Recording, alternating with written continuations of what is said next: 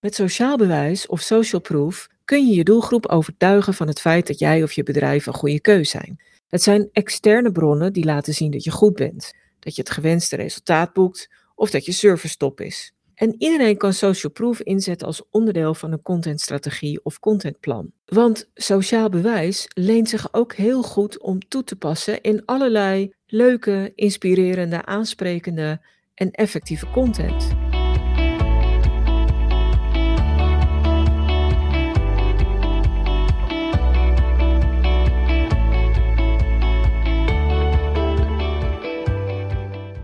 Toen ik een tijdje geleden voor een blog op mijn eigen website een lijst maakte van allerlei soorten sociaal bewijs en hoe je daarmee om kon gaan, kwam ik al snel tot 11 soorten sociaal bewijs. Misschien zijn er nog wel meer, maar hiermee kom je tot een heel eind als je sociaal bewijs als overtuigende factor wil inzetten in je content. Dus daar gaat hij. Ik ga ze even opnoemen. Testimonials op social media. Die kun je deels door eigen aanmoediging realiseren, maar je kunt ze natuurlijk ook spontaan en ongevraagd krijgen. Testimonials die je zelf verzamelt en bijvoorbeeld op je site plaatst. Certificeringen en accreditaties. Een klantenlijst of een portfolio. En het kunnen klanten van naam zijn, maar dat hoeft helemaal niet. Soms zijn juist kleinere klanten effectiever als dat, dat je doelgroep is. Of juist hele branche-specifieke klanten die alleen binnen jouw branche bekend zijn of een lampje doen branden. Het kan ook een gemiddelde waardering voor een product of dienst zijn, dus de bolletjes, de sterren of het gemiddelde cijfer wat je ziet. Het kunnen veelzeggende aantallen zijn, bijvoorbeeld zoveel duizend van dit verkocht of zoveel mensen gingen je al voor.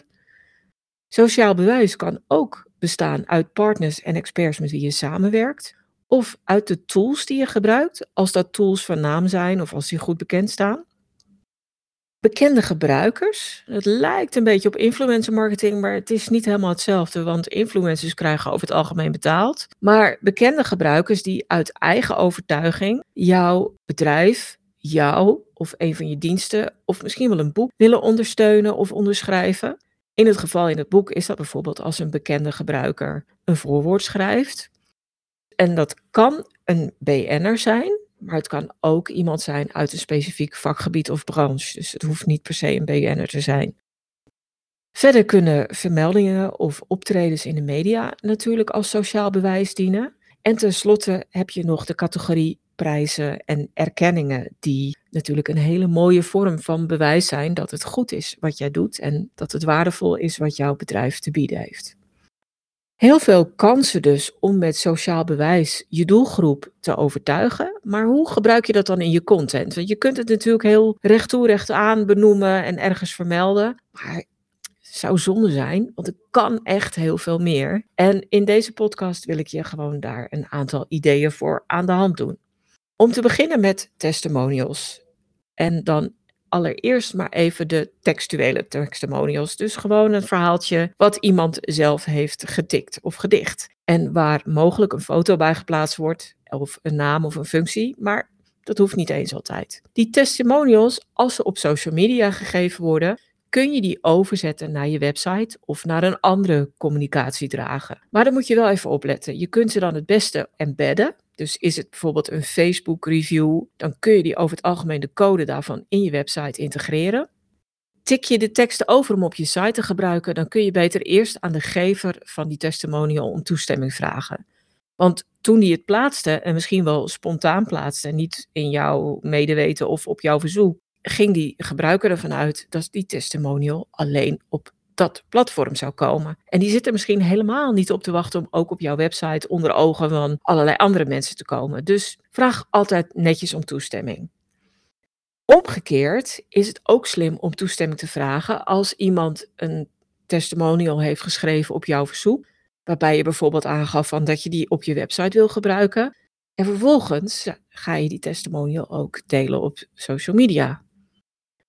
Dat zou een hele goede stap zijn, maar ook hier vraag gewoon even om toestemming. En een hele leuke manier om dan, als je die toestemming hebt, om die testimonial om te zetten naar gebruik op social media, is om een visual te maken in de huisstijl, waarbij je een stukje of misschien wel die hele testimonial in die visual plaatst. Bij het plaatsen van een hele testimonial zou ik heel erg uitkijken. Dat wordt vaak al veel te veel tekst. 1, 2, 3 korte zinnen is misschien al voldoende. Dus kijk dan of je er een goed een representatief fragment uit die testimonial kunt halen, die neem je op in die visual en plaats dan de integrale tekst bijvoorbeeld als tekst bij die visual. Hangt een beetje af van het sociaal kanaal en de vorm waarin je het gebruikt, of dat ook echt kan, maar dat is wel een hele mooie manier. En dan werpen mensen wel eens tegen van, ja maar Linda, hallo, dat is toch zelfpromotie? Ja, klopt. Maar ik begrijp dat een hoop mensen een beetje tegen zelfpromotie aanhikken. En toch ben je gek als je het niet gebruikt.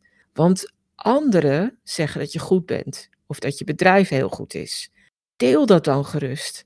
Wees daar trots op. Het is echt geen misplaatste trots of, of bosklopperij of zo. Maar het is gewoon echte trots vanuit het hart. En die mogen we allemaal echt wel wat vaker tonen. En ga ook na bij jezelf. Op het moment dat je het bij het ander ziet, dan denk je toch ook van, oh gaaf, leuk, wat goed dat, dat, dat iemand zo blij met jouw dienstverlening of met jouw product is.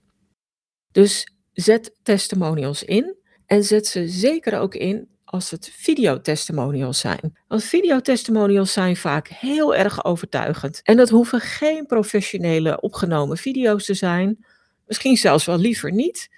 Misschien heb je liever juist video's die mensen tijdens het wandelen of staand ergens in hun kantoor hebben opgenomen, of misschien zelfs zittend in de auto. Maar videotestimonials zijn heel erg authentiek en echt. Dus als je ze hebt, kijk dan of je daar wat meer mee kunt. Misschien heb je een videotestimonial die je gekregen hebt bij een product of een dienst, heb je die op die verkooppagina geplaatst. Dat is natuurlijk hartstikke goed en leuk, maar misschien moet je wel een visueel segment op die verkooppagina maken, waar ofwel die ene video in komt, of twee of drie van die video's, want dan versterken ze elkaar nog. En trek je ook op een hele mooie manier de aandacht. En door ze in één segment te plaatsen, kunnen mensen ook kiezen van, oh, maar ik wil die zien. En misschien omdat ze zien dat de afzender net zo iemand is als zij, in dezelfde functie of in dezelfde branche. Dus zo kun je er net even iets meer uithalen dan wanneer je gewoon één video ergens bij plaatst. En heb je meerdere videotestimonials, dan zou ik zeker overwegen om ze ook op een aparte pagina op je website te plaatsen. En daar ook vanuit bepaalde plekken naartoe te linken. Een andere manier waarop je videotestimonials qua content gewoon nog beter kunt benutten, is door een aparte kijklijst op een YouTube-kanaal te maken. Dus je hebt waarschijnlijk, mogelijk, misschien een eigen YouTube-kanaal voor je bedrijf. Maak dan een aparte kijklijst waar je alle testimonials bij zet. Dat werkt een beetje hetzelfde als dat segment met twee of drie video's bij elkaar op die verkooppagina. In een aparte kijklijst kunnen mensen heel gemakkelijk alles bij elkaar zien. Sowieso is dat aantal bij elkaar al overtuigend, maar ze kunnen ook hun eigen selectie maken. En de laatste tip die ik heb voor videotestimonials is om ze ook op je Google bedrijfsprofiel te gebruiken. Want je Google bedrijfsprofiel komt bovendrijven op het moment dat mensen je bedrijfsnaam googelen. Klikken ze daarop, dan kun je daar ook al heel duidelijk een video in beeld brengen. Nou, dat kan een video zijn die gewoon een representatief beeld van je hele bedrijf maar ja, geeft. Maar je zou ook één video kunnen maken van één of meerdere korte videotestimonials en die daar neerzetten zodat mensen al meteen dat sociale bewijs zien en het ook nog op een leuke manier de aandacht trekt en jij het als content echt goed kunt gebruiken. Nou, er zijn er een paar dingen van sociaal bewijs die ik eerder opzomde, die je heel goed in de footer van je website kunt terug laten komen. Dat is belangrijke partners en experts, toonaangevende tools die je gebruikt, aantallen gebruikers of kopers misschien kun je daar neerzetten. Of de gemiddelde waardering die je op een externe website hebt gekregen. Accreditaties en erkenningen. En ook prijzen kun je heel goed in de footer van je website vermelden, want het heeft als groot voordeel dat die footer overal op je site verschijnt. En soms kun je het nog mooier maken, omdat veel websites je de mogelijkheid bieden om op verschillende plekken van je site verschillende footers te laten zien. Zo zou je zelfs sociaal bewijs kunnen segmenteren of gesegmenteerd kunnen tonen, afhankelijk van de bezoekers, bedoelingen of diensten die op een bepaald deel van je site vermeld worden. En wat je ook nog kunt doen, is dat je sommige van deze elementen opneemt in de footer van je nieuwsbrief. Probeer het wel als tekst te doen, dus niet als extra plaatjes, want het kan weer uh, extra hindernis opleveren bij het afleveren van je nieuwsbrief. Maar tekstvermeldingen van sociaal bewijs kun je ook echt goed in de footer van je nieuwsbrief opnemen. Ik noemde net al even wat je in je voeten kunt laten zien. Dat zijn aantallen van iets, maar dat kun je natuurlijk op veel meer plekken doen. Op een downloadpagina, waar bijvoorbeeld mensen een weggever kunnen downloaden of een video kunnen bekijken, kun je aangeven hoeveel mensen dat al gedownload hebben of zich ergens voor hebben aangemeld.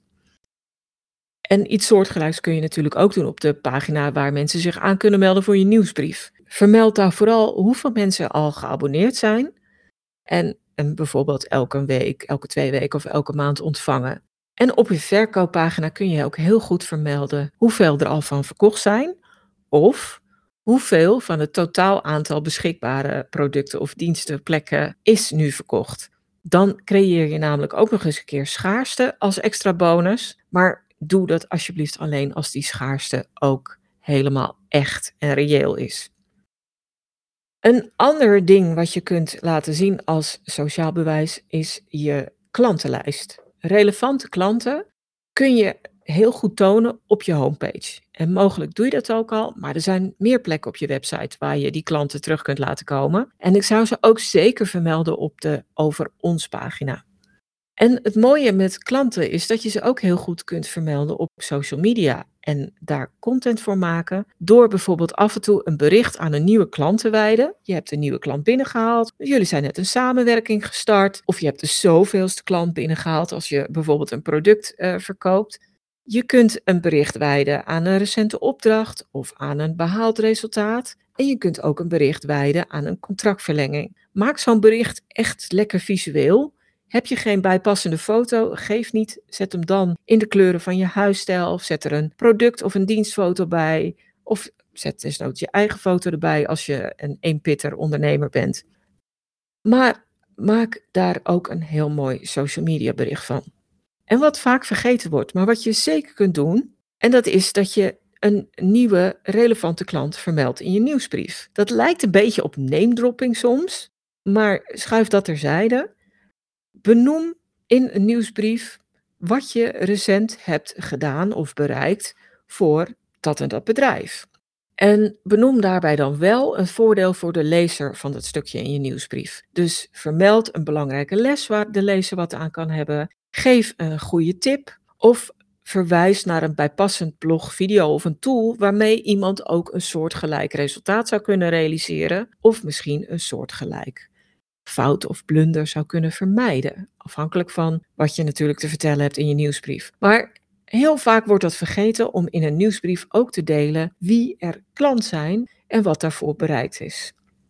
Mediavermeldingen is ook een mooie vorm van sociaal bewijs. En misschien denk je wel van ja, ik kom nooit in de media. Nou, dan moet je dit ook lekker negeren. Of het tot een bepaald doel voor een bepaalde periode uh, opnemen in je marketingplan of in je marketingacties. Maar ben je wel eens in de media genoemd, geïnterviewd, geciteerd? Maak dan een mediabalk met de bekendste of meest relevante media. En dat mogen echt ook lokale media zijn. Zo'n mediabalk, daar laat je verschillende logo's naast elkaar zien. En dat kan helemaal in de kleuren van die logo's zijn, of je maakt hem netjes in de huisstijl, waarbij een tint uit je huisstijl dominant is. Zo'n mediabalk kun je heel goed op verschillende strategische plekken op je site laten zien. Op de homepage, en dan liefst goed bovenaan, op de Over ons pagina of Over mij pagina. Maar zet hem ook op de contactpagina, want daar komen ook heel veel mensen, dus daar is het ook goed om die extra overtuiging te geven. En je kunt hem ook op je 404 zetten. Kijk dan wel een beetje of je hem relevant kan maken. 404 pagina's maken is ook wel weer vak apart. Vaak zijn ze niet zo fraai of niet zo aantrekkelijk. Maar daar kun je dus wel degelijk ook die mediabalk laten terugkomen. Want daar komen ook mensen. En voordat ze dan afhaken omdat ze denken van... Nou ik ben op de verkeerde pagina en dit is niks. Ik kan het niet vinden. Geef je ze nog, toch nog even dat duwtje van... Ja, hé, hey, maar het is wel een goede club waar ik nu zit. Dus ik zoek nog even verder.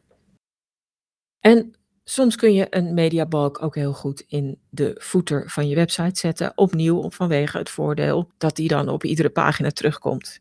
Maar zo'n mediabalk kun je ook heel goed gebruiken in de omslagfoto van social media accounts. Ik zou hem zeker op een LinkedIn bedrijfspagina zetten.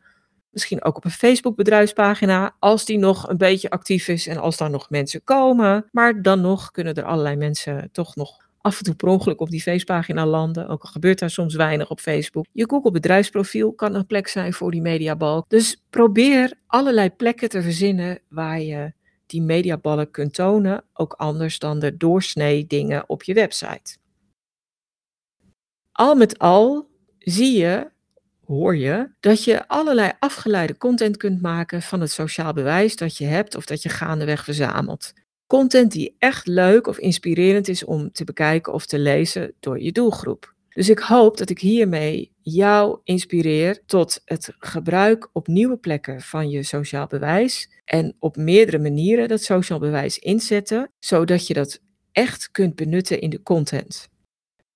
En dan nu de vraag die je vast wist dat die ging komen. Als je dit een waardevolle podcast vindt, plaats dan vooral een review bij deze aflevering. Het is zo gedaan en ik beloof je dat ik die niet ongevraagd elders ga gebruiken, maar ik zou het wel heel erg waarderen als je daarvoor even de moeite neemt om op de sterretjes, de bolletjes of weet ik wat te klikken of om een paar waardevolle zinnen achter te laten. Bij voorbaat mijn dank. Dankjewel voor het luisteren. Voel je zeker vrij om deze aflevering van de Content Divas podcast met anderen te delen als je denkt dat dit van pas kan komen. En heb je zelf een handige tip of inzicht opgedaan met deze aflevering, dan hoop ik dat je een review wil achterlaten. Heb je nog meer vragen? Zoek je meer informatie? Neem dan zeker een kijkje op de website. Die vind je op stroop.nl met dubbel S. En daar vind je natuurlijk ook die handige content kennisbank waar je allerlei gratis checklists, stappenplannen, handleidingen en nog veel meer kunt vinden.